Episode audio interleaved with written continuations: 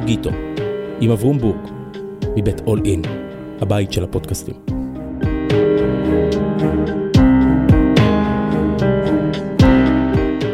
שלום, כאן אברום בורג. במשך חיי פגשתי המוני אנשים, רובם מעניינים ומרתקים בדרכם, וכשאני מחפש את המפתח אל מגירות הלב של הנשים והגברים האלה, אני מוצא תמיד יסוד אחד.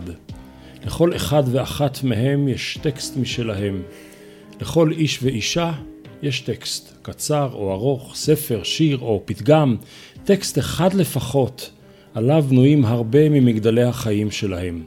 בפודקאסט הזה, הקוגיטו, אנחנו משוחחים, לא מתקוטטים ולא מתנצחים, אלא יוצאים מהטקסטים אל דרך ההבנה של הזולת, מנסים להבין את עומק הקולות הסמויים של המקהלה הישראלית, היהודית או האנושית כולה. והיום מישהו שהוא גם חבר וגם חברותה, דיוויד מיירס. שלום דיוויד. שלום אברום. תראה, בדרך כלל אני מבקש מהאנשים, תכינו טקסט, ואני עושה שיעורי בית, ומתחילים לשוחח. במקרה הזה, אני ביקשתי ממך טקסט. וביקשתי ממך טקסט על איש שאמרת לי לפני כמה וכמה שנים שהוא חשוב לך. תגיד לי. כן. מדובר בשמעון רבידוביץ', שהוא אחד ההוגים היהודים החשובים של המאה ה-20. אדם שאני גיליתי אותו כבר ב, ב, בגיל 18 והתחלתי לעיין בספר הגדול שלו שנקרא בבל וירושלים, ספר שהוא כתב לאורך ארבעה עשורים, אה, משנות ה-20 עד כמעט סוף שנות ה-50. וכשמו כן הוא, הספר על בבל וירושלים, על שתי הבירות, כמו שרבידוביץ' הבין את זה. של האומה היהודית הגלובלית, האומה התרבותית היהודית הגלובלית.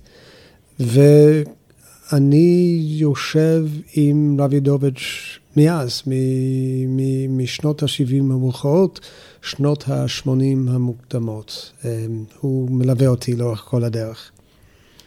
הוא כותב כך בבבל וירושלים, שני גילויי יסוד הם למהותו של ישראל. למהותו של ישראל האחד ומציאותו, שאין התגלותם פוסקת כל שעה שאותו עם חי וקיים. זאת אומרת, כל עוד העם הישראלי, או מה שאנחנו אוהבים לקרוא לו היום העם היהודי, חי וקיים, יש לו שני פנים, פן בבל ופן ירושלים, וישראל אחד. אלה היו פני ישראל למעלה מ-2500 שנה. הכופר בפן האחד מפני ישראל, אין לו פנים בישראל, פנים למחצה פניו. הוא בעצם תוקף ישירות את הרעיון הלאומי, או לפחות את הרעיון הלאומי בתור מונופול על הזהות. כן. תסביר. הייתי, כן.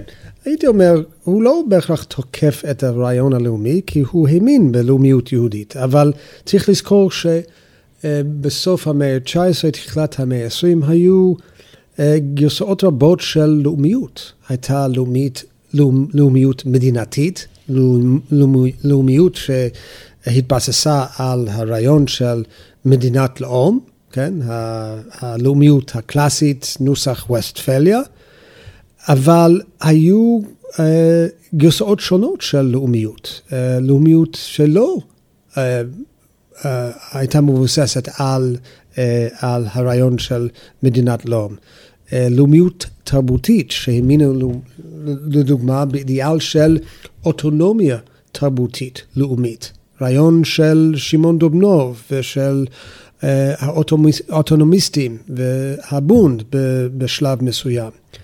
אז בעצם מה שרבידוביץ' רצ, רצה לומר זה שכשהלאומיות הפכה להיות אקסקלוסיבית בצד זה או השני של הספקטרום, אמ, מה זה נפש... צד זה או שני? צד זה זה התנועה הציונית, התנועה, השני... התנועה הציונית מצד אחד, והתנועה הדיאספוריסטית מצד שני.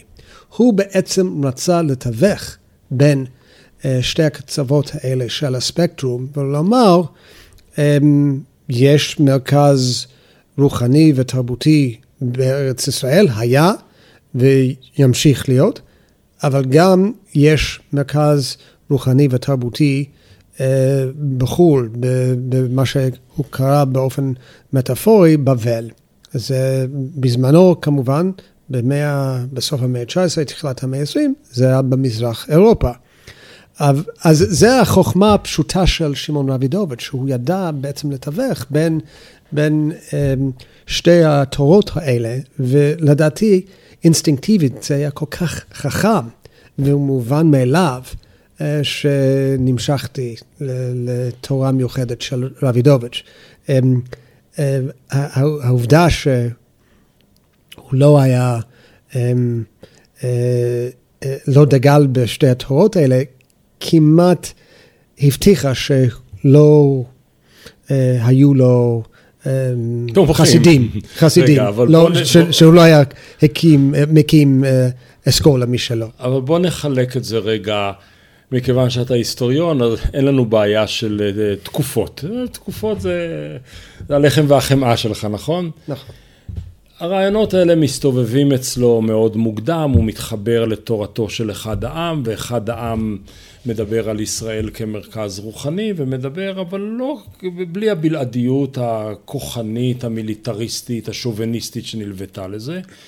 ואז נגמרת השואה, וגם הוא, פרופסור אבידוביץ', פרופסור היה דוקטור? פרופסור. פרופסור, גם הוא כן? מתגלגל בעקבות העם היהודי במשעולי הגולה.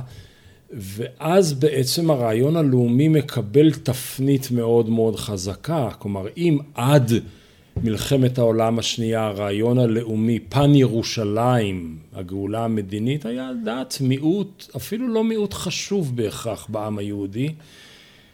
נגמרת מלחמת העולם השנייה וכל מי שלא חושב כך הופך להיות לשולי, זאת אומרת הלאומיות הישראלית משתלטת על כל מרחב הזהות. אז מה המשמעות של להיות בעל שני פנים יהודיות, דאספוריסטית או תפוצתית ומקומית אחרי השואה? אך בחשיבות חז... היא ברורה, זאת אומרת, זה, זה כמו שאמרתי, כמעט הבטיח שרבידוביץ' יושב לבד, אבל גם הרבה לפני, הוא לא היו לו אה, אוהדים או חסידים או תלמידים. המשפחה שלו גרה במרחביה פה. והייתה נגדו. בדיוק. זאת אומרת, אביו, אביו ואחיו, ואחיותיו. כן, כן, בדיוק. Um, צריך לומר שהתיווך הזה בין אחד העם לבין שמעון דונוב, ההיסטוריון הרוסי היהודי המפורסם הגדול, um, היה מאוד מאוד ייחודי. לא היו הרבה שעקבו בעקבותיו של, של רבידוביץ'. Um, הוא היה צריך לבחור אמ, או זה או זה, אם כי גם באחד העם וגם בדובנוב יש הבנה של חוסר אקסקלוסיביות של הפתרון המועדף שלהם. גם דובנוב um, הכיר בחשיבות של מרכז תרבותי בארץ ישראל, וגם אחד העם הבין שלא כל אחד uh, יעלה לארצה ויקדיש את חייו למרכז הרוחני. מה שקרה, רבידוביץ' הגיע מ... אה, ביתו בפולין, בגרייבו, לביאלישטוק ואז לברלין, שבתחילת שנות ה-20 הפכה להיות מרכז תרבותי. ליבוביץ' שם, סולובייצ'יק שם, הרבי מלובביץ' שם, השל שם, השל, כל המבנים. אבי זיכרונו לברכה שם. ביאליק עגנון הגיעו לשם. הוא הכיר אותם שם. הוא הכיר אותם שם. הוא עבד איתם וערך אותם. דובנוב הגיע לשם, כן. אה, ושם זאת הייתה המעבדה שלו. אה, הרבה לפני תום המלחמה. זאת הייתה המעבדה של רבידוביץ'. שם הוא התחיל לבשל את הרעיון הממש מיוחד הזה של, של בבל וירושלים. אה, הקים שם, בברלין, אה, הסתדרות עברית עולמית. ברית. ברית, סליחה, עברית, ברית, ברית עברית עולמית. ברית ואז שינה את השם 아, להסתדרות, אוקיי. להסתדרות, כן? ברית עברית עולמית, הכנס הראשון... שקיימת לדעתי עד היום. ההסתדרות העברית העולמית, אני חושב שקיימת, הוציאה... בהסתדרות הציונית, יש, הפעם מימנו את זה. כן. כתבת עד כמעט לפני עשר שנים. אוקיי. הדואר, זה נקרא. שם בברלין רבידוביץ' נפגש עם יהודים ממזרח אירופה וגם ממרכז אירופה. המפגש המאוד מיוחד שתיאר ביאליק פעם. שני זרים נפגשים בפונדק אחד. וזאת הייתה תקופה מאוד יצירתית. אגב, גם רבידוביץ' הקים בית דפוס עברי שם, בשם עיינות. וגם עבד על דוקטורט שהוא קיבל בפילוסופיה בשנות ה-20. עם זה, הוא עבד על הרעיון המיוחד הזה של בבל וירושלים, בישל את זה, הקים ארגונים, הגיע לארץ בתחילת שנות ה-1933, חיפש עבודה באוניברסיטה העברית החדשה, לא קיבל, את התקן לפילוסופיה היהודית שקיבל יוליוס גוטמן, ויש אנשים שאומרים שבגלל האכזבה הגדולה הזאת, הוא פיתח את הרעיון של בבל בירושלים. זו קריאה לא נכונה, mm. כי הוא לא נכונה בכלל, כי כבר לפני אנחנו רואים את הסימנים. ממשיך את דרכו לאנגליה. לונדון, לידס. לונדון לידס, ואז מגיע לארה"ב, לשיקגו, ואז היה בין המרצים הראשונים של האוניברסיטה החדשה שנקראת ברנדייס, כן. אוקיי, אז אנחנו מגיעים לסוף המלחמה. אחרי המלחמה, אם הוא היה יחסית לבד לפני, הוא היה עוד הרבה אחרי, והיה ממש מבודד במחשבותיו. לא רק בגלל התפיסה המאוד מיוחדת של בבל ירושלים, אבל גם התחיל לבשל רעיון חדש. אה, כתב פרק שהוא חשב אה, לצרף לבבל וירושלים, שאגב לא ראה אור בחייו. אה, הוא נפטר ב-1957, והמפעל העצום הזה, 900 עמוד, 900 עמוד בשפה העברית, למי שלא חי את חייו בארץ, יצא לאחר מותו. בתחילת שנות ה-50, בעצם אחרי תש"ח, הוא הבין, כמו שהוא ניסח את זה, שהשאלה היהודית הקלאסית, השאלה איך יהודים ימצאו מקום בארצות שבהם אין הם מהווים מיעוט קטן. השאלה הזאת אה, התהפכה אחרי תש"ח. והוא אומר, השאלה היהודית הפכה להיות השאלה הערבית. כי עכשיו יש מדינה יהודית עם רוב יהודי ומיעוט לאומי אחר שיושב... אה, זה פרק ב... שאתה חשפת. כן, כן. פרק שאני חשפתי הוא בעצם פרק ש...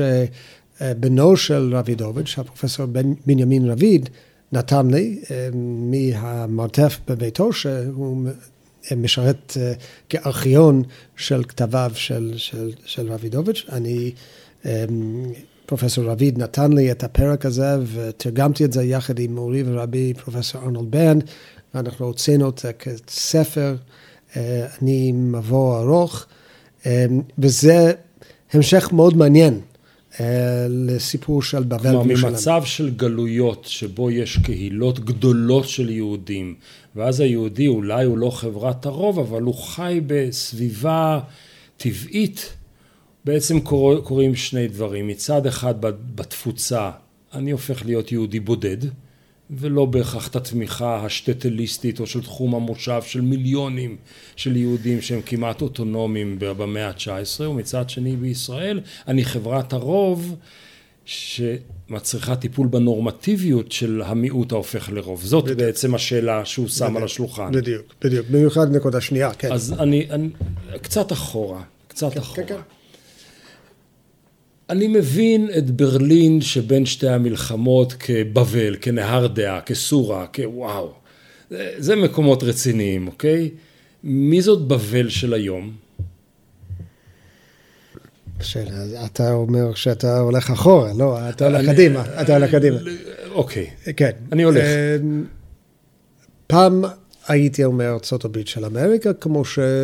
רבידוביץ' היה, ואפילו דומנוב, הם, הם היו אומרים שארצות הברית היא המרכז התרבותי החדש. עכשיו, אני לא בטוח ש... אתה מהוסס קצת.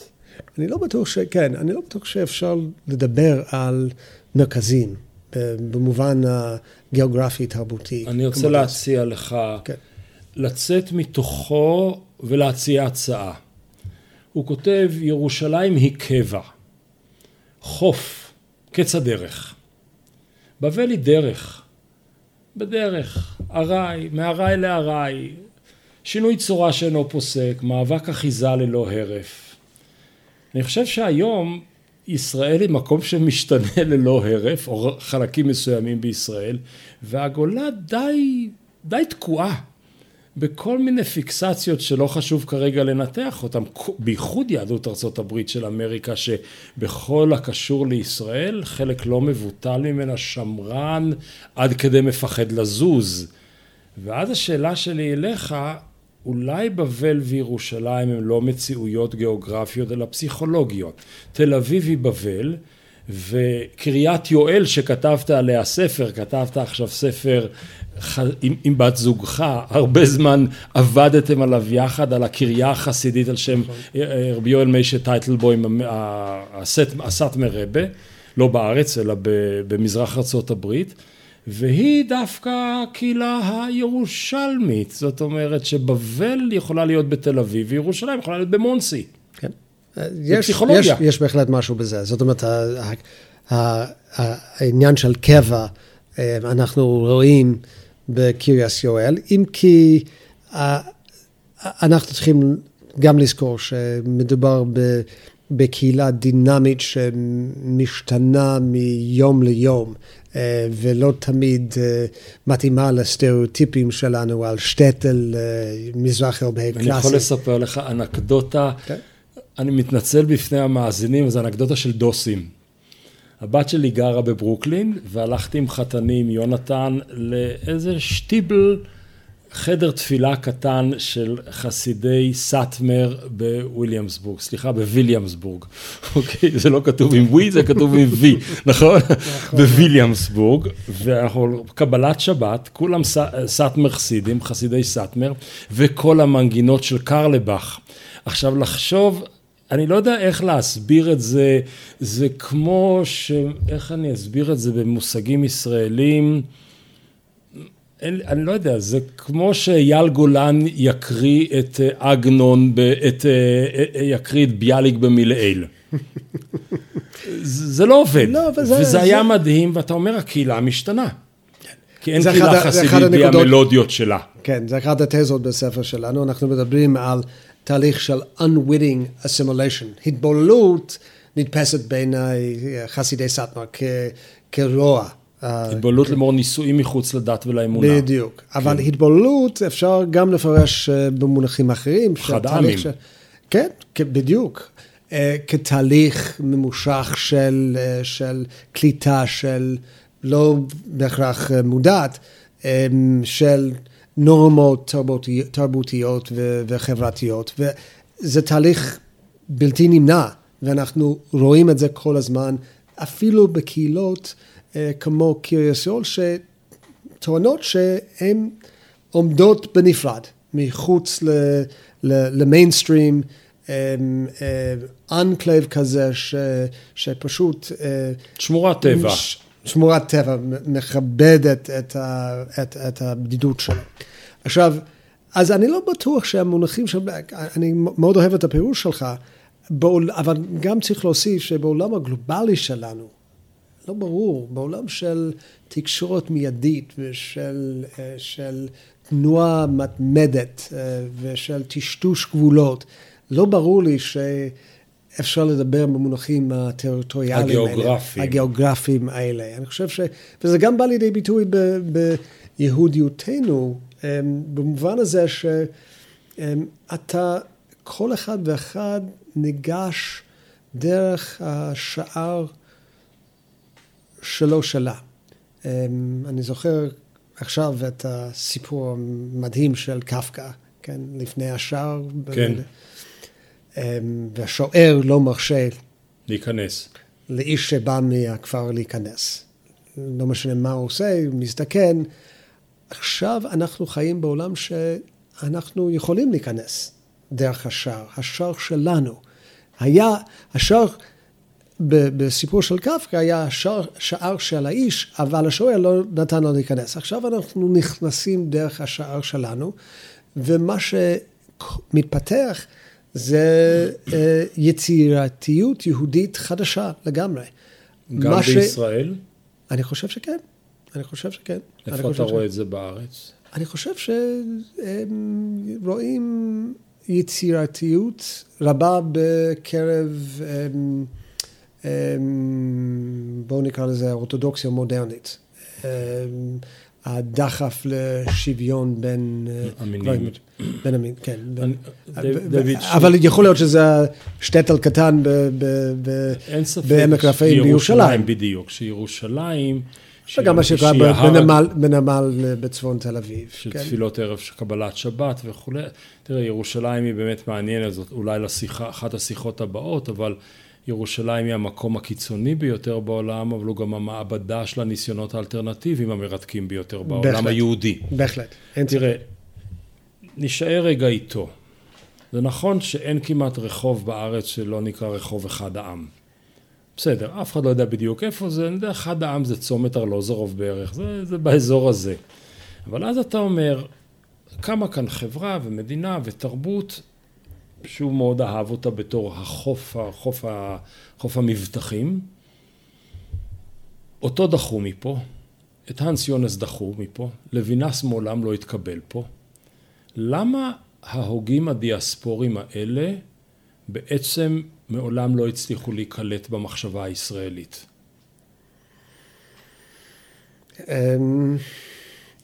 כי הם לא היו ציונים מספיק. זה, אני חושב שהתשובה היא פשוטה.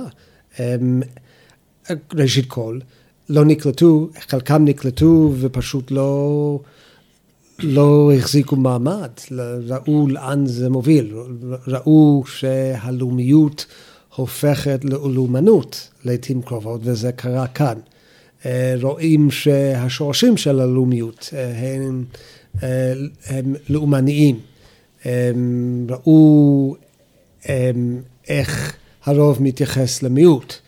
אני חושב שאלה, זה, זה, זה דו-סטרי. זאת אומרת, כן, הממסד לא היה מוכן לקבל אלה שלא דגלו בתפיסותם הפלסטינות-צנטריות שלהם, אבל גם אנשים כמו הנס כהן ואחרים החליטו בעצמם לא בשבילי להיות פה. לא בשבילי, לא בשבילי. והיום כשישראל... זה, אני כאן זוכר את ההבחנה היפה של ההיסטוריון יורי סלזקן בספרו כן. המאה היהודית. המאה היהודית, the Jewish century. כן, כן. בין, בין מרקוריאנס נכון, והפולוניאנס. היהודים הכספיתיים. כן, שהם תזזיתיים והולכים לכל מקום. זזים ממקום כן. למקום, והיהודים שמתיישבים, הקרקע שלהם. ובמידה מסוימת זה המקום של הפוליוניזם, לא של מקירניזם. אז במדינה, בישראל, בחברה כמו החברה הישראלית של היום, שהיא התפרקה מה... מתפרקת מהמונוליטיות הרעיונית. יש עשרים גרסאות ציוניות ויש שבע עשרה גרסאות לא ציוניות ויש המון גווני ביניים. יש מקום לחשוב מחדש על אה, היכרות או הכנסת הרכיב הדיאספורי לתוך החשיבה הישראלית? אני חושב שכן. איך זה אני... קורה? איך זה יכול להיראות? אני לא יודע, ואתה הצבעת בעצמך על ירושלים כ- כמקום של קיצוניות אה, אה, אה, כמעט אה, אה, קטלנית מצד אחד, ויצירתיות יהודית שירושלים כמעבדה גם, ואני חושב שהמקום הזה כולל את, את, את, את, את, את, את, את שני האינסטינקטים האלה. אמ, אני חושב שבאמת אמ, צריך אה, אה, לשחות נגד הזרם, אמ, אה, במיוחד בתקופה הנוכחית, כשאנחנו רואים עלייה ניכרת בלאומנות בלאומנות גזענית. אבל היא לא קורית גם רק פה, היא קורית גם בגבעת הקפיטול, והיא קורית בפיטסבורג, מקום, כן. ובפריז ובברלין, זה גל נכון. עולמי, כן. רוח התקופה. ולמען האמת, אני חייב לומר, אני קצת, במיוחד ברגע זה, יותר אופטימי לגבי מה, העתיד של המקום הזה, מאשר העתיד של אמריקה. העתיד של אמריקה. כי מה? חושב- אני ניסיתי לנסח את זה בראשי השבוע כשאני בארץ. אמ, אמריקה בנויה על רעיון, רעיון של אה, הרפובליקה, בעלת ערכים דמוקרטיים אמ, שמאחדים את, את העם. כאשר אמ, זה מתחיל להתמוטט, וכאשר מתפתח אמ, שסע בין אנשים שחושבים שיסודות דמוקרטיים הם הדברים הכי חשוב לתמוך בהם, ואנשים שחושבים ש-making America great זה הדבר הכי חשוב, אמ, אי אפשר אמ, אמ, אה, אה, לתקן את זה, אי אפשר להתאחד שוב. ופה כאן- שיש פער בין כאן יהודי אני לא בט- לישראלי, כאן אני לא בטוח, אם אנחנו לוקחים את כל האנשים שחיים כאן, אני לא בטוח שיש רעיון אחד אחיד שמאחד. להפך. אני חושב שמלכתחילה יש אה, זהויות שונות, שאין דבר ש... אה, ו- ולכן אין מה להפסיד. אין, אין התלות הטוטאלית ברעיון הזה של דמוקרטיה אמריקאית. לא, כאן, כאן חל בדיוק מה שרבידוביץ' מגדיר על, ישראל, על הגולה. הוא מגדיר את הגולה, אני אשתמש בזה להגדיר את ישראל שאתה תיארת עכשיו. היא מתסיסה ומניעה, רוגזת ומרגיסה, מרגיזה, מגלות, מגלה סוד קבע בארעי, רז של תקומה בתוך הכליה. כלומר, במובן רגע, הזה ישראל בוא- לדיאספורה. בוא נעצור רגע ונצביע על העברית המדהימה. מה. נפלאה, אה, כן. המדהימה הזאת, כן. אין, אין כמוהו. בשביל זה אתה יודע עברית בגלל אדם כמוהו? בשביל זה אתה היהודי האמריקאי, העברית שלך היא כזו? אני לא יודע אם העברית שלי כזו, אבל אני יודע שאני גדלתי כ... אה, כחסיד של אחד העם, שהאמין ב... בשפה העברית כחוט ה- מקשר- המקשר. המקשר. אני האמנתי בזה. האמנתי אפילו ברעיון של, של תחייה של ברית עברית עולמית בזמננו. אבל אני קצת כשעמוס במקום עוז. כתב עם פניה את הספר שלו על השפה כמכנה משותף, אני חשבתי שהתזה לא נכונה. אני לא רוצה להתווכח עליה עכשיו, וברור לי שאני לא יכול לחיות באף מקום אחר בעולם, כי העברית היא השפה שבה אני חי את הקיום שלי, אבל אני תוהה האם היא מכנה משותף, אבל זה דיון, נשאיר אותו. כן, כן. אני, אני אומר מילה על זה. לא, אני, אני חושב שלא לאכזבתי ה- ה- ה- הרבה.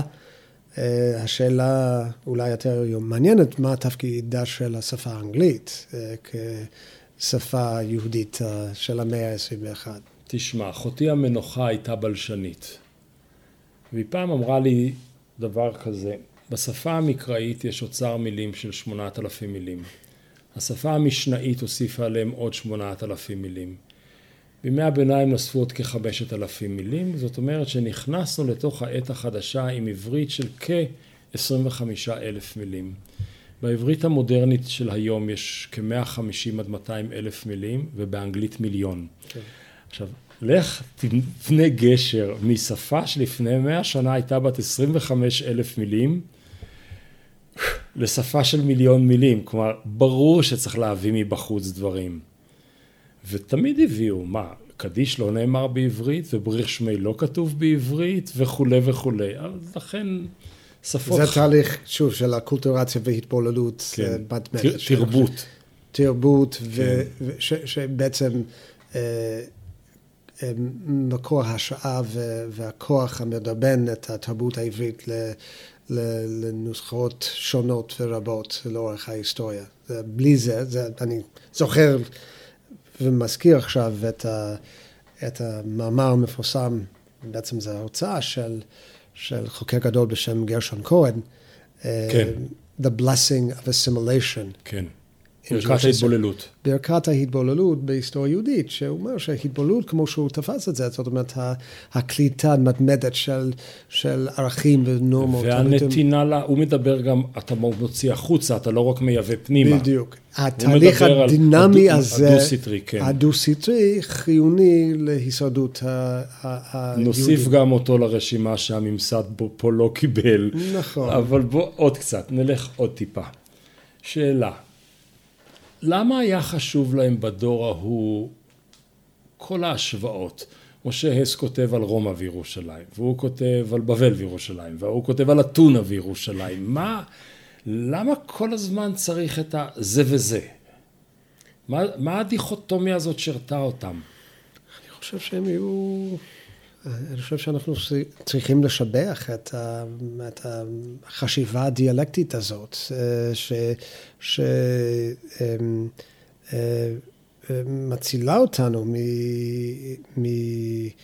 מאקסקלוסיבים, מפרטיקולריזם, מחוסר הבנה של, של הדינמיקה של ההיסטוריה. אני חושב שהבינו היטב שאנחנו חייבים תמיד להתמודד עם, עם, אה, עם נורמות וערכים אה, שונים מתרבויות שונות, ואני באופן אישי מאוד מפחד מעולם ש, שבו אנחנו חיים רק בירושלים.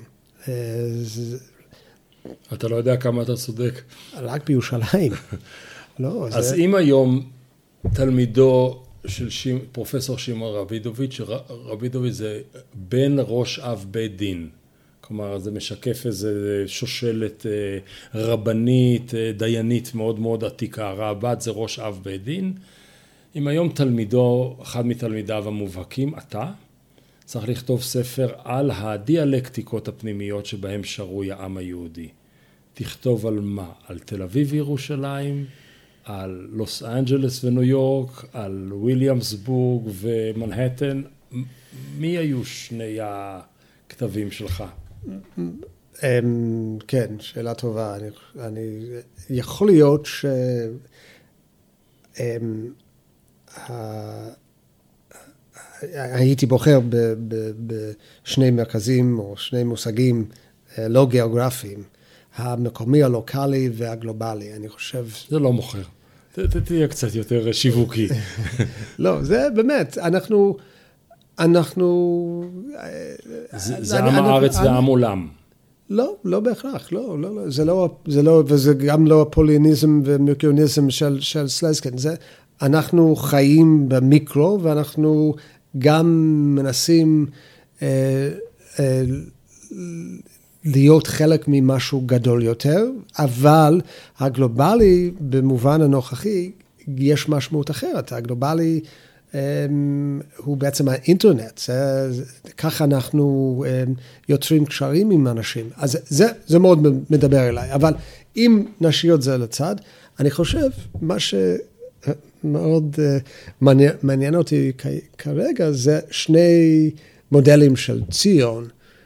ציון של ירושלים, אה, במובן הלאומני הנוכחי, אה, תקופה קשה בתולדות הרעיון הלאומיות היהודית לדעתי, וציון אלטרנטיבי בשטטל ב upstate New York. ירושלים דליטא. בקיריאס יואל. אמ, וזה, שוב, זה קשור ל... לקשר הדיאלקטי בין המקומי והגלובלי, כי מה שאנחנו אה, רואים בקירסיול זה מידה של ריבונות מקומית, אנחנו קוראים לזה. אה, אבל ריבונות שלא פועלת בנפרד, מ, לא יכולה לפעול בנפרד מהחברה הסובבת. אז אה, אני לפעמים חושב שרבי יואלש עצמו ראה את... רבי יואלש זה רבי יואל מוישס אה, טייטלבוים, כן, האדמו"ר המיתולוגי של סאטמר. ראה את, השטטל שלו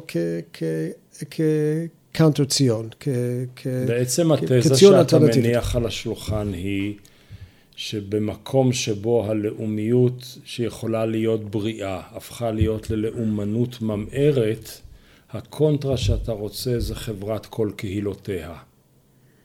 אתה רוצה להוריד את המבנה לאחריות של הבן אדם לאזור השייכות והזהות ה... היותר מיידיים שלו. כן, עם תוספת אה, בעקבות אה, השישי בינואר 2021. אה, שזה העלייה לא... של תומכי טראמפ על הגבעות על... הקפיטול, בדיוק, גבעת הקפיטול, כן. בדיוק, שמבהיר ש... שהליברטריאניזם האמריקאי שאומר שיש לכל פרט ופרט לעשות בדיוק מה שהוא רוצה. החירות להיות בן חורין לחלוטין, אפילו על חשבון. שבעצם באופן אירוני אפשר את הקמת קהילה חזקה מאוד כמו uh, הקהילה הסאטמרית בקריית יואל, um, יש גבולות. בלי um, להכיר ולקדש אמ, ערכים אמ, משותפים אה, של קהילות, תת קהילות אחרות בארצות הברית ופרטים אחרים בארצות הברית. אין שום אפשרות של, אמ, של הישרדות של, של, של החברה הגדולה יותר. אם אנחנו רוצים לפרק את הכל עכשיו ולהגיד, כל קהילה, תת קהילה יכולה להחזיק מעמד בעצמה, אז אה, קריאס יואל אה, היא מודל מושלם. אבל אני מאוד סקפטי לגבי אה, האפשרות הזאת. אני חושב שמה שאנחנו לא מבינים זה שקהילה נפרדת כמו קריאס יואל זקוקה ממש זקוקה. לסולידריות יותר גדולה. לחברה, לחברה גדולה, על מנת לשרוד, ובלי להכיר בזה, ובלי להיות מחויב לזה, ובלי להשתתף בזה באופן פעיל יותר. כחוות דעת, סליחה, כחוות דעת מקשיבה, אתה מאוד מאוד מתכתב עם הספר האחרון של תום פרידמן, שאומר בעצם, מתכתב עם הספר שלו ראשי ערים היו, היו בשלטון. ווד מיירס, לא זוכר איך קוראים לספר, שבעצם המדינה צריכה לרדת לרמת הקהילה, הקהילה היותר רבתי, עם הסולידריות והאינטראקציות עם קהילות שלידה, לא קהילה לבדה תשכון. ולהחליש מעט את המנגנונים הצנטרליסטיים. כן, אבל מה שאני, כן, אני חושב שההצלחה של קיר ישראל כדוגמה של ריבונות מקומית, לוקאלית, אמ, ההצלחה היא דוגמה טובה של אה, קהילתנות, של קומיוניטריאניזם. כן. מה שאני אומר, זה אני לא בטוח שזה יכול להחזיק מעמד, או אם זה יחזיק מעמד, אנחנו או נראה... או להיות מתאים לכולם. כן, אבל עדיין צריך, כמו שרוסו אמר, צריך לתת קצת מהרצון האינדיבידואלי שלך לרצון הכללי. הוולונטי ג'נרל, הוולונטי ג'נרל, בלי זה אין שום, אין שום אפשרות אפילו לקהילות הקטנות האלה להחזיק מעמד. צריך להכיר בתלות אה, בחברה גדולה יותר, צריך להכיר בחשיבותם של הערכים כמו דמוקרטיה וחירות ו... שוויון? ושוויון במידה, כן, אפילו שוויון, והחשיבות בהשכלה, וחינוך אה, שמאפשר שפה משותפת, כן, באופן ניטרלי, כן, אנגלית, אבל גם בשפה אזרחית משותפת. ואני לא, אני, אני אה, מודאג ממה שאני רואה אה, בארצות הברית בעקבות השישה... אני רוצה לחבר את הדאגה שלך לתזה שנייה מרהיבה של רבידוביץ', אוקיי? כן. ספר אחד זה בבל וירושלים, זה, זה עבודת חיים, זה יישאר על שמו לעולמי עולמים. תזה לא מחויכת, כי אני ראיתי אותה מחלחלת, נכתבה בספר ישראל העם הגוסס תמיד. זאת אומרת, Israel the ever dying people. וזה ספר הוא מאוד מצוטט, זה מאוד מעניין, חיפשתי לקראת השיחה שלנו, זה זה, זה כלומר, עכשיו, הוא שם שם תזה מאוד מעניינת, כי הוא אומר, למה העם היהודי מתקיים כל כך הרבה שנים? כי כל דור חושב שהוא הדור האחרון, אז הוא נותן את כל מה שיש לו, ואז פוקט, בא עוד דור, ועוד פעם הוא חושב שהוא לפני כליה. עכשיו, יכול להיות שמחשבות הכליה שלך הן מחשבות רבידוביצ'ויות, זאת אומרת, זה כליה לפני התחדשות. כן. אין ספק שבהיסטוריה של העם היהודי בעת החדשה יש תהליך דיאלקטי מאוד מעניין, יש וקטורים שזזים בכיוונים הפוכים. יש וקטור שהוא, אני חושב, יותר חשוב סטטיסטית של ניכור ואדישות לגבי, כלפי הקולקטיב היהודי, ויש וקטור של, של חרדה, אה, של אה, מייסדי הקהילה, טובי הקהילה, שרואים מה שקורה עם רוב הזמן הילדים והילדות שלהם, ומיד מתחילים לבנות מוסדות חדשים, ומקדישים את, את, את האנרגיה שלהם למפעל ההתחדשות. זה קורה בגרמניה בסוף המאה ה-19, תחילת המאה ה-20, קרה בתקופה שרבידוביץ' ישב בברלין, וזה קרה בסוף המאה ה-20, וזה קורה בתחילת המאה ה-21. עכשיו, אנחנו הולכים לומר שזה די פתולוגי, שזה דורש חרדה כזאת על מנת אה, לחדש. חרדה, חרדה קונסטרוקטיבית. אבל גם אפשר לומר שזה חרדה קונסטרוקטיבית, וזה חלק מ, מ, מה, מהפתוס היהודי. ואתה, בין שני הכתבים האלה, האדיש והחרד? אני נוטה להחרד למען אמת. אני נוטה להחרד למען אמת. אה, ומבין את זה, וזאת אומרת, כשזה בא לידי ביטוי בממסדיות רבה, כמובן זה, זה לא בשבילי, אבל אמ, כשזה יוצר אמ, אה, דרכים חדשות אה, אה, לחיות חיים יהודיים ומביא ליצירתיות יהודית חדשה, אני לא מתנגד. תשמע, אמרתי בראשית הדברים שביקשתי ממך לבחור טקסט, כי אחד החסרונות שיש לי בשיחה איתך, ואני לא תמיד מצליח לעמוד בחיסרון הזה, אני רוצה לשתוק לאורך כל השעה. תמיד, תמיד, תמיד אסיר תודה לך על הנדיבות שלך לשתף אותי בחוכמות שלך, ואחד הדברים שגורמים לי אושר גדול זאת החברות בינינו. תודה כן. רבה, דיוויד. כיף להיות איתך, פרום. להתראה. תודה. thank you